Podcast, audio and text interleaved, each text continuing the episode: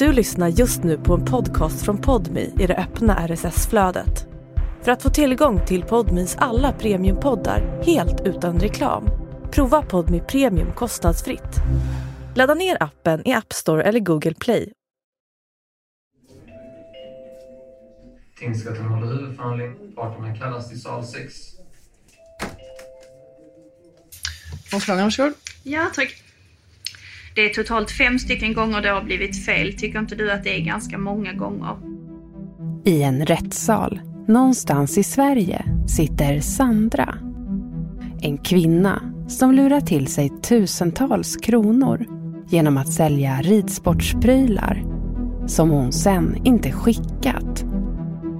Vi har också tittat på eh, kontoutdrag och här var det så att det kom in en swish och så var det ett kontantuttag. Bland brottsoffren finns barn och unga. Vi har ju inte de, alltså det var ju ändå mycket pengar för oss. Med tanke på att jag är ensamstående med Linnea så är det ju inte överflöd med pengar här hemma. Ryktet om Sandra sprider skräck hos de bedragna. Mina barn sa Mamma, du måste låsa ytterdörren. Tänk om hon kommer nu när du har polisanmält. Nej men gud, vad har jag gjort? Jag vet inte om jag vill vara med längre. Antalet annonsbedrägerier ökar kraftigt. Från första halvåret 2020 till första halvåret 2021 ökade antalet med 57 procent enligt polisen. En del av de här bedrägerierna begås i hästforum på nätet. I en sluten grupp på nätet samlas tusentals hästtjejer. Många menar att de blivit bedragna av Sandra och hatet flödar. Vidriga människa. Hon ska få vad hon förtjänar. Att ingen gett henne stryk än. Ohyra. Och så dyker Denise upp, en annan kvinna som dömts för liknande bedrägerier.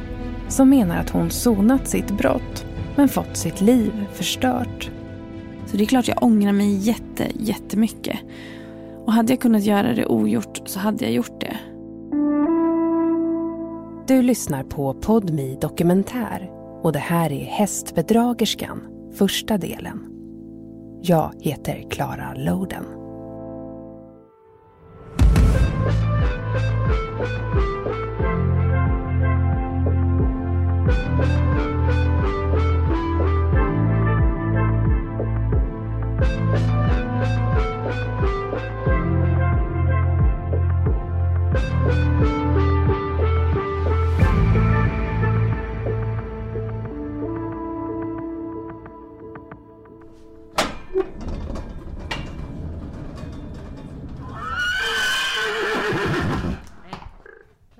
Det är en kall höstdag och jag sitter på en pall i stallgången. I boxen intill stod min häst. Min första egna häst, ett brunt halvblod. Han är stor, alldeles för stor för de tecken jag hittat i de vanliga ridsportsbutikerna. Dessutom är det mesta slutsålt så här i oktober och leveranstiderna är långa. Det är så svårt med tecken tycker jag att veta. Och det är så individuellt, man måste lära sig sin häst. För Gracias har bara hundra. Ja. Eh. Det tunna regntäcket jag lagt på honom är för kallt. Jag vet det. Och jag har sett de vänliga men lite bekymrade blickarna från de andra hästägarna i stallet. Ja, han är lite mer frusen. Ja. Jag har ju sett. Jag måste ha ett vintertäcke. Men kolla på nätet finns massa grupper där folk säljer begagnade hästsaker, säger en stallkompis. Och hon har rätt. Grupperna för begagnade hästsaker är många. Hej, jag söker ett vintertäcke med hals i storlek 165 i gott skick. Kan hämta i Stockholm med omnejd. Annars går det bra om du skickar på posten. Så, inlägget publicerat. Jag får snabbt flera svar. Någon har ett täcke utan hals. Kanske kan det funka? Någon annan vill skicka bilder. En tredje tipsar om en annan grupp för just tecken. Det jag inte vet är att snart kommer jag dras in i en mörk värld. Full av svikna löften, hat och bedrägerier. Kontakta mig inte någonsin igen, Klara. Smuts. Och så får du skicka in en anmälan, Klara.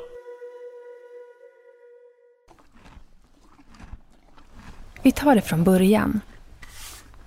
Hästar kräver mycket utrustning och prylar. Eller kräver och kräver. Men när man har tagit på sig ansvaret att ta hand om ett så stort och potentiellt farligt och samtidigt skört djur så behöver man både för sitt samvetes skull och för sin säkerhets skull ha en massa grejer. En sadel som inte passar kan få förödande konsekvenser för hästens rygg. Du ska helst ha olika bett att variera mellan.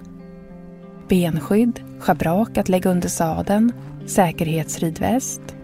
Att det finns en andrahandsmarknad för de här prylarna verkar suveränt. Man lägger ut en annons om vad man säljer eller vad man söker. Köparen betalar på förhand med Swish. Och så skickas hästprylarna hit och dit över landet. Men det finns ett problem de som luras och bedrar. I samma takt som jag upptäcker nya forum för begagnade hästprylar så upptäcker jag varningsgrupperna. De heter saker som Varning för hästbedragare, Oseriösa hästmänniskor och Hästvärldens svartlista. Och så finns det varningsgrupper om enskilda personer som medlemmarna påstår härjar och bedrar i köp och säljforumen för hästsaker. En av grupperna har tusentals medlemmar och handlar om Sandra. I inlägg efter inlägg skriver tjejer om hur de lagt ut annonser där de söker hästsaker. Sandra har svarat. Hon har precis den hästpryl de vill ha. Rätt storlek och färg. Hon har skickat bilder, gett tips och råd och verkar så kunnig. Men i samma sekund som de swishat har Sandra försvunnit. Inte ett ljud och inget paket på posten. Nu har även jag blivit lurad på tusen kronor av den här bedragerskan. Dottern 13 år, lurad på ett par ridbyxor nu i mars. Varför hittade jag den här gruppen först nu? Köpte en sadel gjord av Sandra. Nu förstår jag varför det aldrig kom något paket. De som skriver i grupperna postar skärmdumpar på konversationer de haft med Sandra som en slags bevis. Hon skriver trevligt. Går ibland med på att köparen prutar och postar gulliga emojis. Oftast handlar det om belopp på 500-700 kronor. Vem är den här Sandra? På profilbilden ser hon ut som en helt vanlig tjej. Jag chansar och ringer henne. Men får inget svar. Istället ringer jag Kronofogden. Sandra har stora skulder visar det sig. Och en del av skulderna handlar om skadestånd som hon ska betala till personer hon bedragit. Jag söker efter domar och hittar att Sandra har dömts två gånger för bedrägeri, bedrägligt beteende och ringa bedrägeri. Dessutom står hon just nu åtalad. Alldeles snart ska hon upp i rätten för tredje gången. Hur kommer det sig att en kvinna som Sandra, trots att hon dömts, ändå fortsätter bedra? Varför lurar hon unga hästtjejer? Hur går hon tillväga när hon väljer ut dem hon sen bedrar? Och hur påverkas de hon lurat? Jag begär ut förundersökningsprotokollet och det är så jag hittar Erika och Linnea. En mamma och en dotter. Tillsammans med fyra andra är de målsägande i fallet där Sandra nu för tredje gången står åtalad för ringa bedrägeri. Jag har tre hästskor som bringar tur. De bor i en mindre stad, någonstans i Sverige. Är det här ditt rum? Ja. Så det är liksom massa hästbilder och Här är mina rosetter och så tre fina bilder, favoritbilder och så hästskorna bredvid. Linneas rum är välstädat, sängen prydligt bäddad. På väggen hänger rader av prisrosetter från träningstävlingar i både dressyr och hoppning. Just den här som jag tog fram nu är lite speciell för på den här tävlingen så fick vi 68 procent, vilket är ganska högt på en dressyrtävling. Så det är ju nog det högsta jag har fått, så den betyder ju lite extra. Då var vi väldigt chockade när jag fick det. Och just den övre hästbilden är en häst som jag lärde mig väldigt mycket på. Det är ett Gotlandsruss och de är kända för att vara envisa och ha rävar bakom varje öra, vilket han hade. Um, och han gick mer bakåt än framåt i början, så vi har verkligen gjort en resa ihop. Vad skulle du säga att hästarna har betytt för dig i ditt liv? Oh, väldigt mycket. De är min räddning. Det har varit väldigt mörkt ibland och de har verkligen räddat mig. Så det är hela mitt liv. Det är liksom hästarna i mitt liv. Jag tror att jag har haft lite svårt med kompisar också.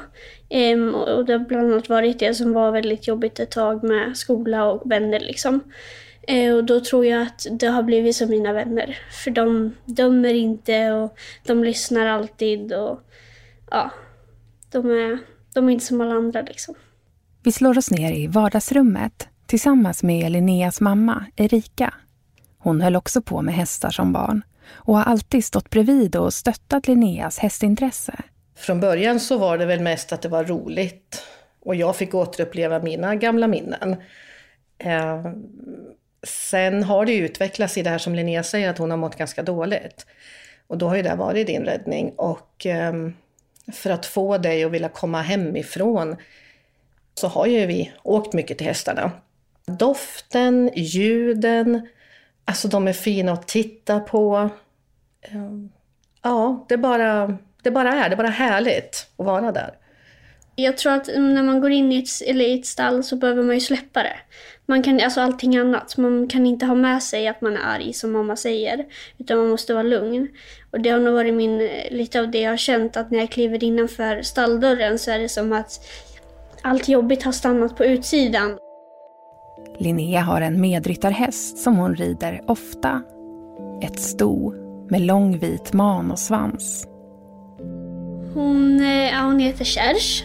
Ehm, och hon, ja, hon är väldigt speciell. Ehm, hon charmar alla. Hon är... Alltså, hon är så... Hon har så mycket personlighet. Hon är som en egen människa liksom hon, hon till exempel när man, bara en sån sak att hon pratar väldigt mycket. Så då när man till exempel kommer med mat eller bara står i stallgången och myser så kan hon liksom börja så här och prata med en. Och hon är väldigt livlig och liksom bufflig men ändå inte på ett eh, jobbigt sätt. Utan det är liksom hennes charm, att hon är lite överallt och ingenstans. Och hon eh, ja, hon, ja, hon är bara väldigt speciell. Men att vi sitter här idag beror på något som tog sin början för flera månader sedan. Linnea har vuxit ur sin säkerhetsridväst och behöver en ny. En speciell med knäppen i sidan. I affären kostar en sån omkring 3 500. Så de bestämmer sig för att kolla efter en begagnad på nätet. Utbudet är skralt, så de lägger in en sökesannons på Sveriges största sida för begagnade hästsaker. Söker säkerhetsväst 1500 kronor. Efter ett tag får de ett svar. Det är Sandra som svarar. Kvinnan som är dömd två gånger för just den här typen av bedrägerier. Men det vet inte Erika och Linnea än. Erika läser ur konversationen. Hej, jag har en i gott skick att sälja. Vad kul, har du en bild? Pris? Frågetecken. Det kommer en bild. Och där ser det ut som att det är en verklig bild. Mm. Sandra svarar detaljerat på deras frågor om västen. Hon verkar kunnig, använder termer som bara folk i hästvärlden förstår och hon berättar att hon aldrig ramlat av i västen att den förvarats inomhus och om anledningen till att hon säljer den. Säljer den då jag behöver en större storlek. Sen fyller hon på med fick den ny i födelsedagspresent, snart ett år gammal bara, köpt ny. Vad tänker ni om att hon skriver så, så mycket, liksom lite onödig info? Mm. Det är det som är det är det som gjorde att jag trodde på annonsen. Det är så trovärdigt skrivet. Det är exakt det vi vill veta om västen. Eh, bara det här med att hon skriver den har normal rygg. Det är inte alla som förstår vad det innebär, för att ridvästar har alltså lång rygg, kort rygg, normal rygg. Det finns liksom olika modeller i samma modell. De bor i olika delar av landet och kommer därför överens om att Sandra ska skicka västen. 700 kronor vill hon ha, plus frakt. Linnea svarar toppen, mamma swishar imorgon förmiddag. Hör av mig när hon swishat. Och vi får till svar, det blir jättebra. Och där byts det ju då liksom till dagen efter. Det var så sent på Mm. kvällen så jag ville dubbelkolla med mamma och sådär. Därför swishade vi inte direkt då. Utan... Och jag ville vänta just för att få känslan, är det här äkta? För jag tänker att ingen går ju och postar en väst på en lördagkväll. Morgonen efter swishar Erika. Och i samma ögonblick försvinner Sandra. Erika smsar men får inga svar. Något känns fel. Det blir kväll. Och sen vet jag att du ropade från ditt rum, för vi hade gått och lagt mig. Vi är lurade någonting, skrek Linnea. Så då kände man bara skit också. Linnea har googlat Sandras namn och nummer och hittat varningsgruppen. Där medlemmarna påstår att Sandra är en bedragerska. Ja, man blir ju inte gladare det är när man läser vad alla andra... Och det är ju långa, långa rader med vad folk har blivit lurade på. Men samtidigt när man läser den här gruppen så blir man ju lite lättad också för då känner man jag är inte den enda som har gått på det. Som har varit godtrogen och trott på henne utan tyvärr, alltså det är ju egentligen fel att känna att vad skönt att andra också har blivit lurade men det känns ju lite bättre på så sätt. Ja, är det som en känsla av gemenskap där inne? Ja, jag tror det. det man känner sig lite mindre dum. De gör en polisanmälan. Tiden går och det kommer inga svar eller förklaringar från Sandra. De 700 kronorna plus frakt är borta. Med tanke på att det var pengar som Linnea fått i julklapp för att lägga på någonting som hon tycker om eller vill ha, så känns det ju lite värre. Så man blir ju jättebesviken. Vi har ju inte de, alltså det var ju ändå mycket pengar för oss. Med tanke på att jag är ensamstående med Linnea så är det ju inte överflöd med pengar här hemma. Men Linnea behöver fortfarande en säkerhetsväst, så de lägger ut en ny annons. När vi la ut en ny annons så svarade hon ju lika snabbt på den. Och det här var alltså ett par, tre veckor efter att vi gjorde en polisanmälan. Sandra skriver Hej, jag har en att sälja. Följt av en smiley. Hon har skapat ett nytt användarkonto på köp och säljsidan. Döpt efter sina initialer. Och då Sen- står det hennes namn där Ja, igen. men precis. Det Ja. är ju ett annat konto. För jag har ju blockat det förra. Men då har ju hon bara skapat ett nytt. Linnea svarar, du får gärna swisha tillbaka mina 800 kronor först du lurat mig på. Att du är så dålig på namn att du glömmer vilka du har lurat. Har bara en fråga till dig. Hur fan kan du sova gott om nätterna? Hoppas karma tar dig rejält framöver. I förundersökningsprotokollet står fler namn på personer Sandra misstänks för att ha bedragit. En av dem är Alma. Hon har sin häst i ett stall vackert beläget på landet. Jag kör dit.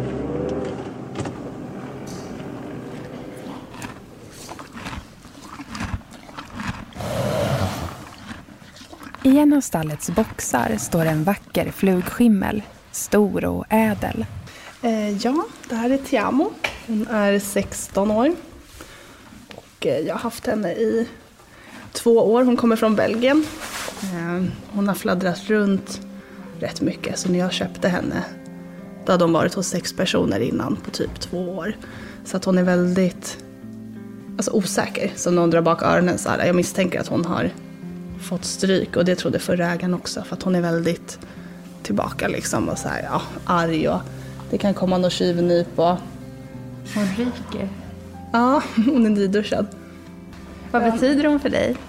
Ja, hon betyder jättemycket. Det här är ju min kompis liksom. Och det här är min första egna häst så att det, det här är ju det man alltid har drömt om liksom. Så att det, man lever lite sin dröm från när man var liten att ha sin egna häst och Alma kommer i kontakt med Sandra när hon söker efter ett kombinationsbett.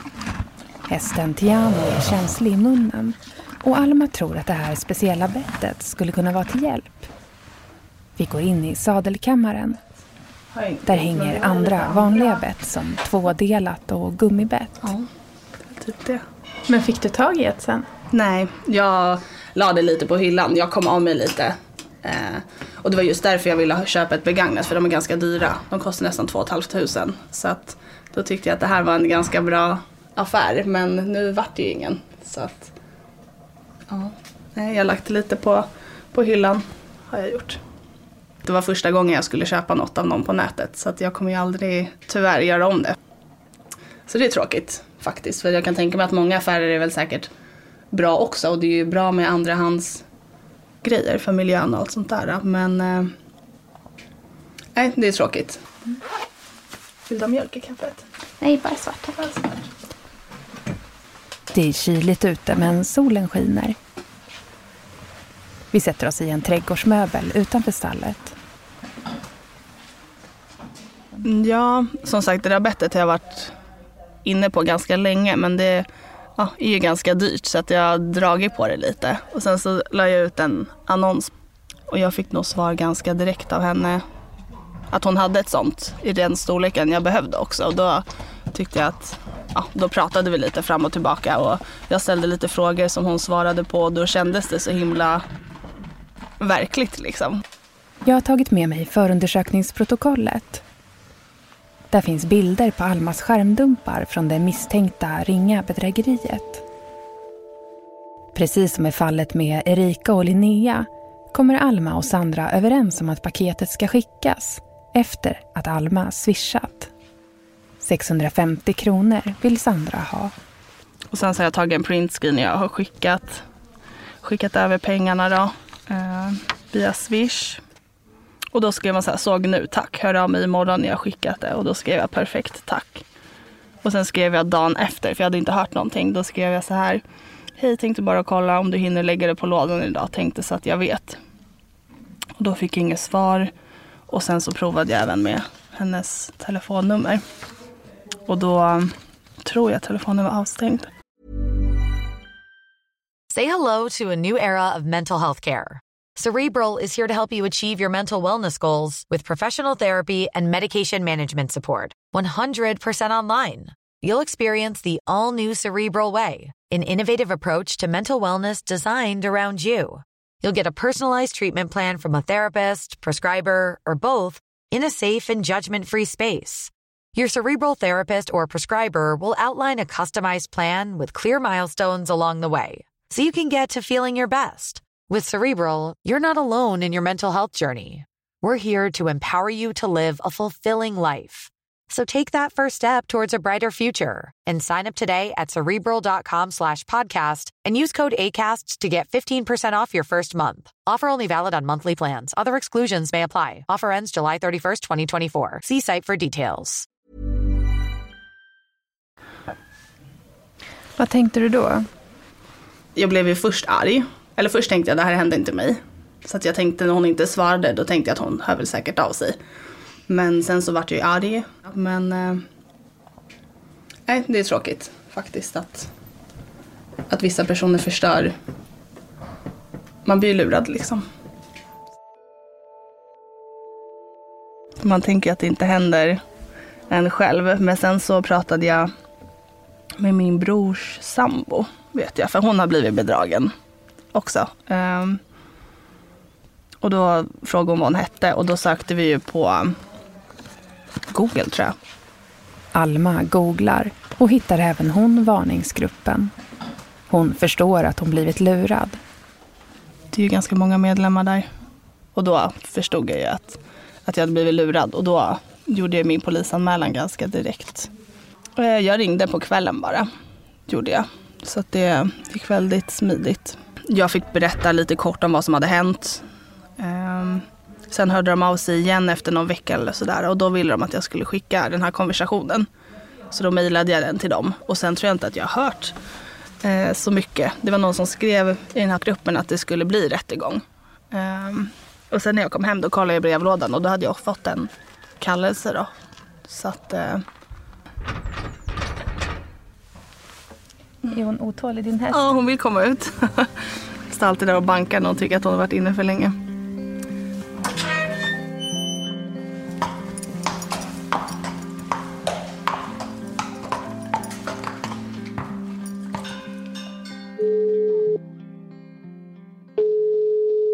Jag ringer till Christian Hägg.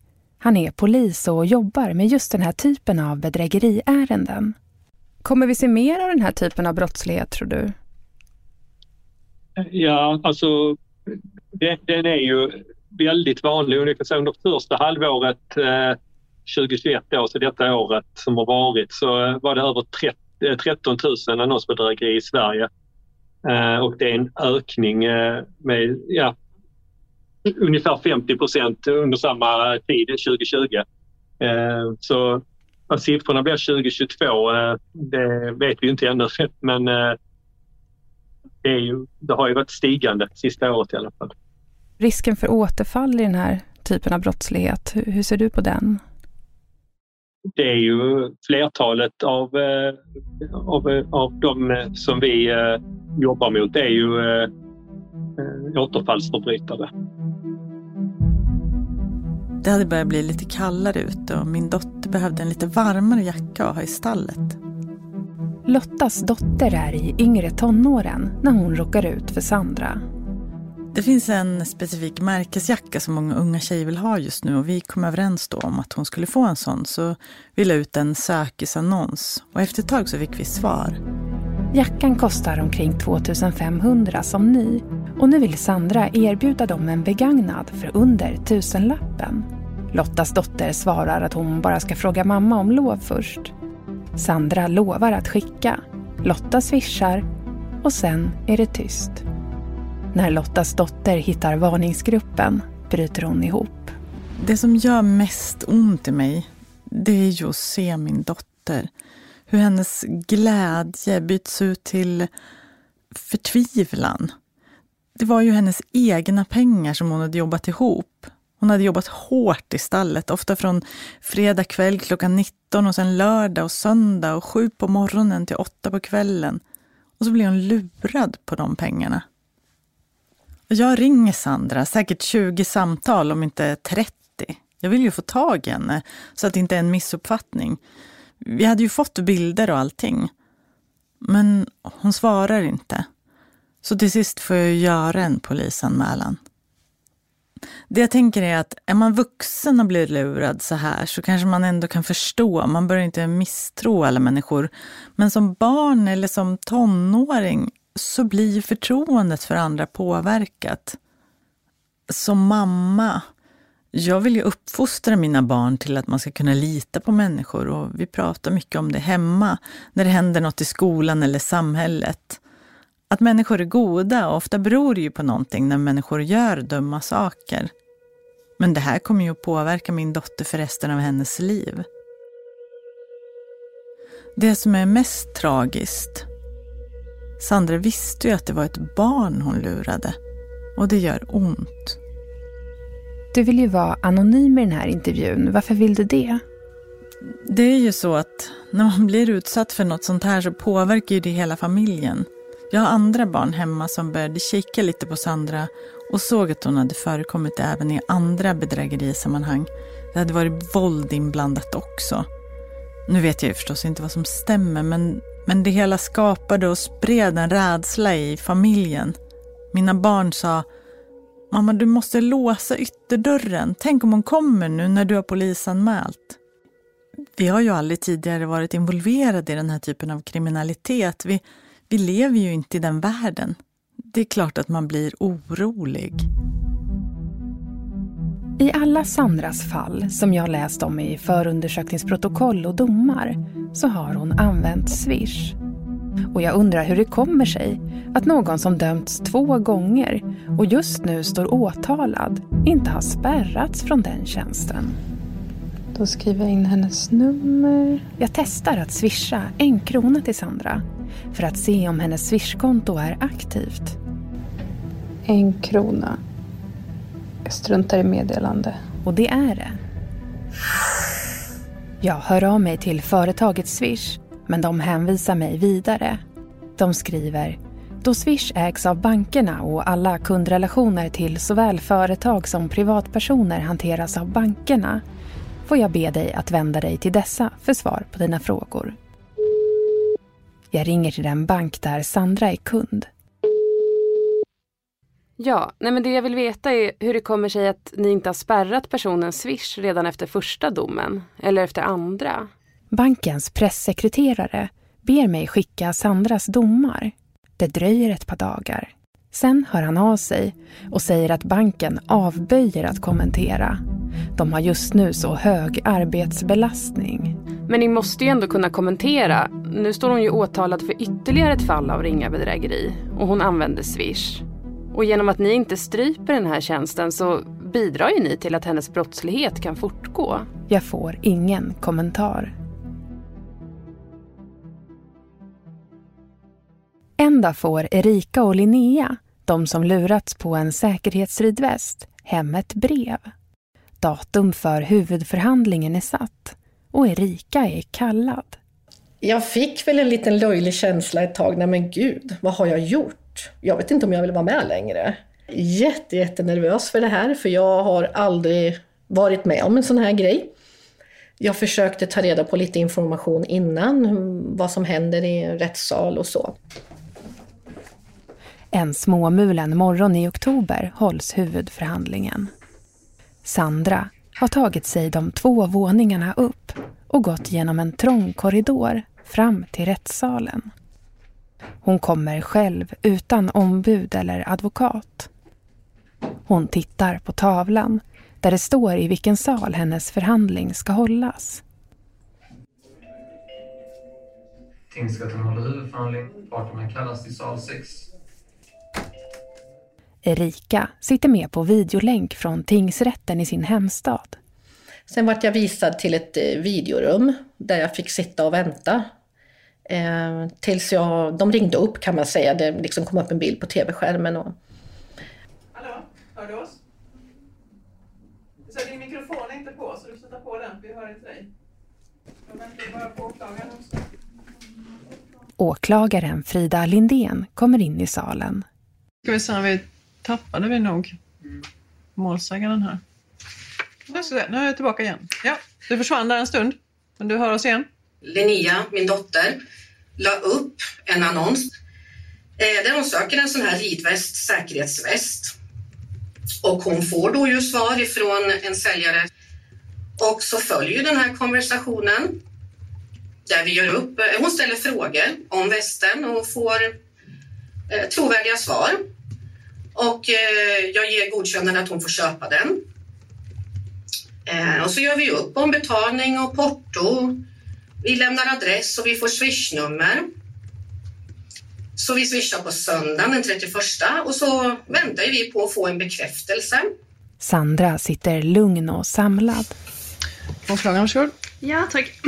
När du ser, eh, vi har tittat på konversationer och bilder och sådär. Eh, Väcker det något minne överhuvudtaget? Sandra svarar att hon inte minns, men att det är hennes telefonnummer och bankkonto och hennes användarkonto på annonssajten för hästsaker. Eh, Kan det stämma att det är du som skriver? Absolut, säger Sandra. Hon berättar att hon tidigare haft egna hästar.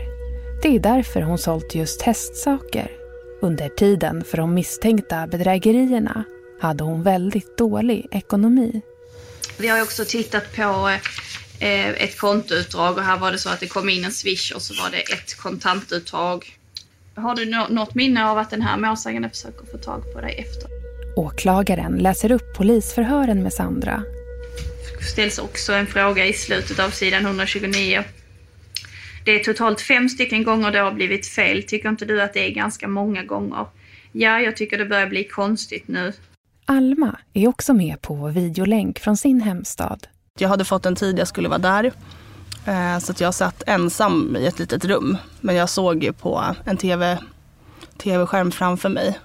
Och då läste de upp den här konversationen och man fick även se den på, på bild. Liksom. Hon satt ju där med armarna i kors. Eh, ja, men du får gärna bara börja med att berätta vad du kommer ihåg om den här händelsen. Eh, ja, jag la ut en annons att att eh, jag sökte ett kombinationsbett i 11,5. Eh, och jag fick väl svar ganska snabbt. Och som i konversationen där så berättade hon att hon hade samma storlek som jag behövde. Och, eh, ja, och jag ifrågasatte om det funkade med 11,5 eller om man behövde en storlek större. Och då sa hon då att hennes häst hade samma storlek så att det borde det borde passa.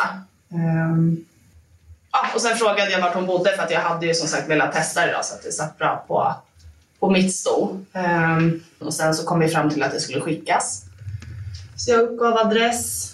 Åklagaren vänder sig till Sandra.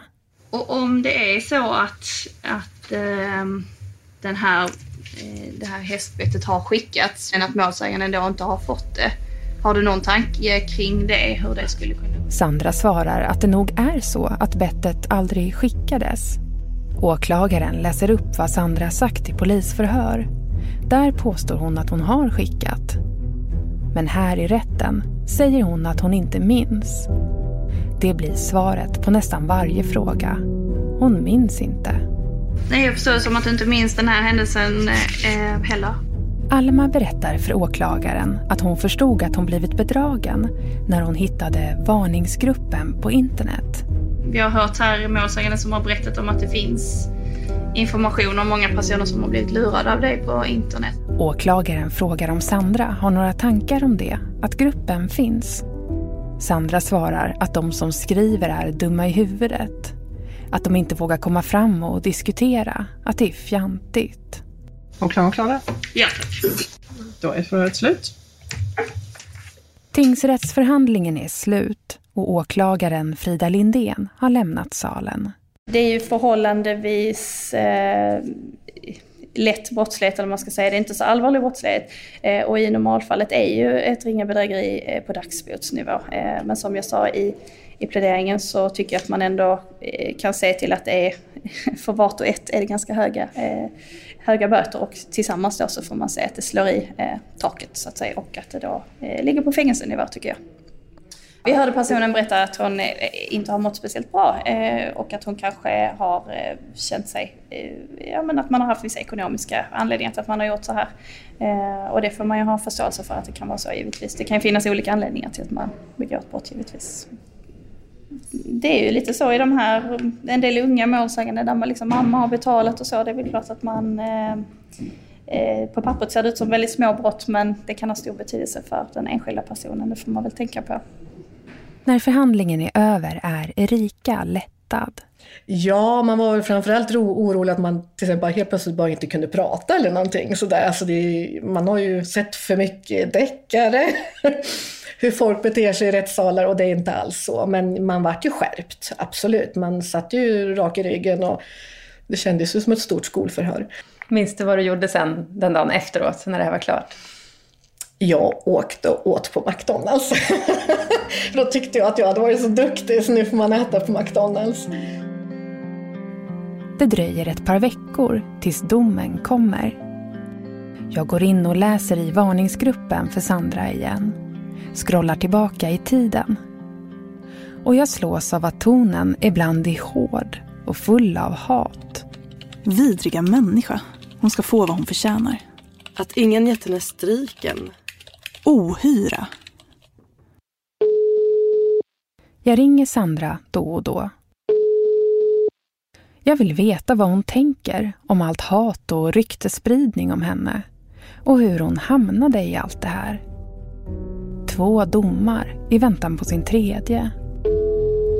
Men jag får aldrig något svar. En dag skickar jag ett sms. Jag berättar att jag gör den här dokumentären och att jag intervjuat några av dem hon bedragit. Jag frågar om jag kan få intervjua henne. Inom en halv minut får jag ett svar. Hon skriver.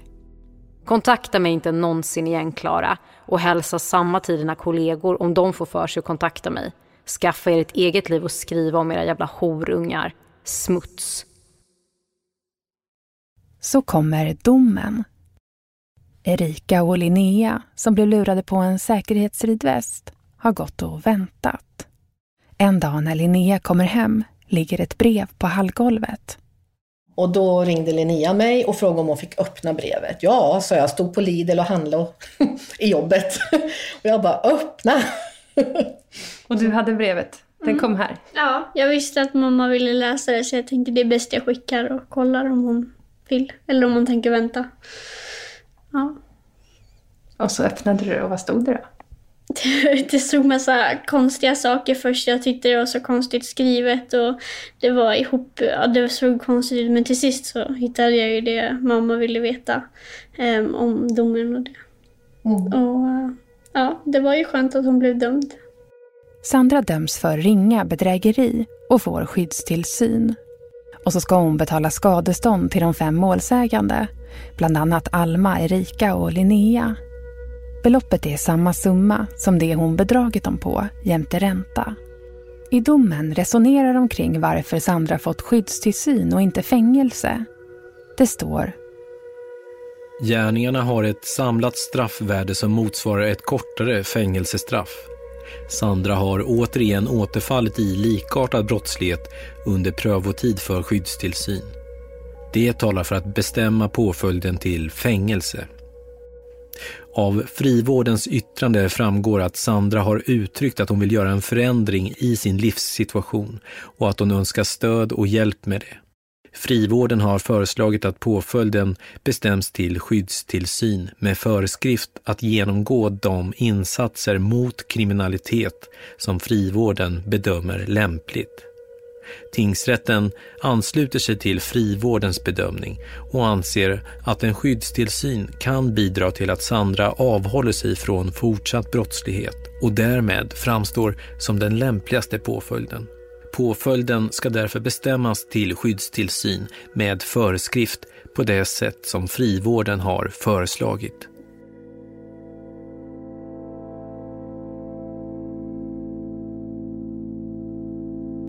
Varje dag ser jag nya inlägg i varningsgrupperna. Och det handlar inte bara om Sandra. De utpekade bedragerskorna är många. Jag går in på deras profiler och ser unga tjejer som ler mot kameran. Som sitter till häst. Som hoppar över hinder. De som skriver i grupperna och menar att de blivit bedragna är arga, bittra och besvikna.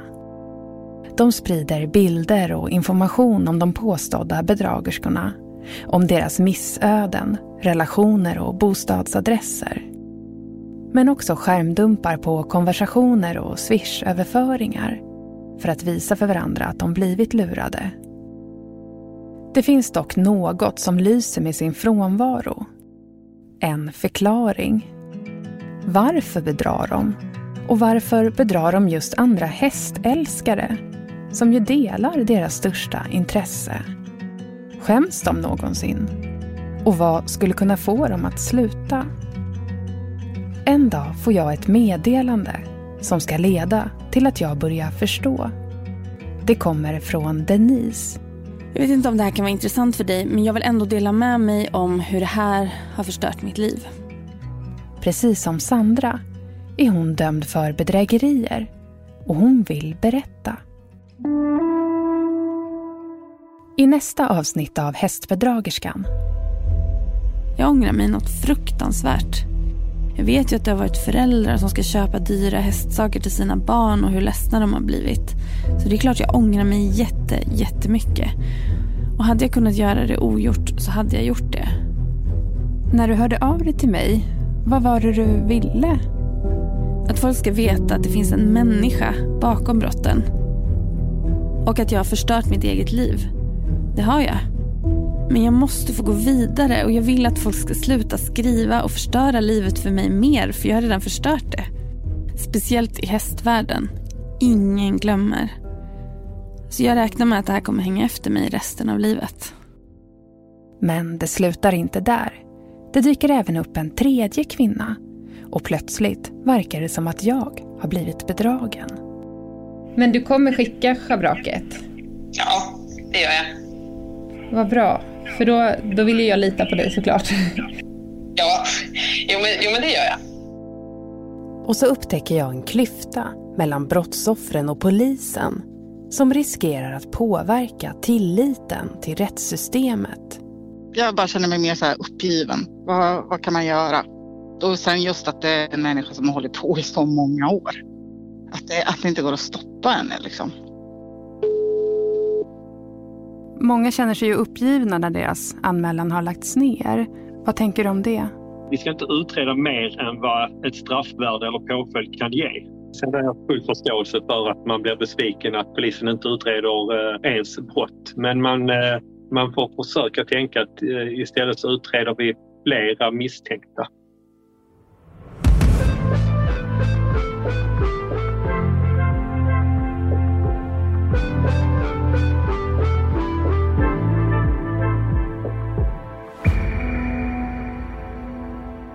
Du har hört Hästbedragerskan, en podmi dokumentär av produktionsbolaget Filt. Jag som gjort programmet heter Klara Loden. Producent Jenny Nordlander. Tekniker Mikael Hill. Båda på produktionsbolaget Filt. Reporten som bevakade Sandras huvudförhandling var Jonna Burén. En del av rösterna i det här programmet är utbytta och vissa namn och detaljer har ändrats med hänsyn till de medverkandes och omnämndas anonymitet. Sandra har avböjt att medverka i programmet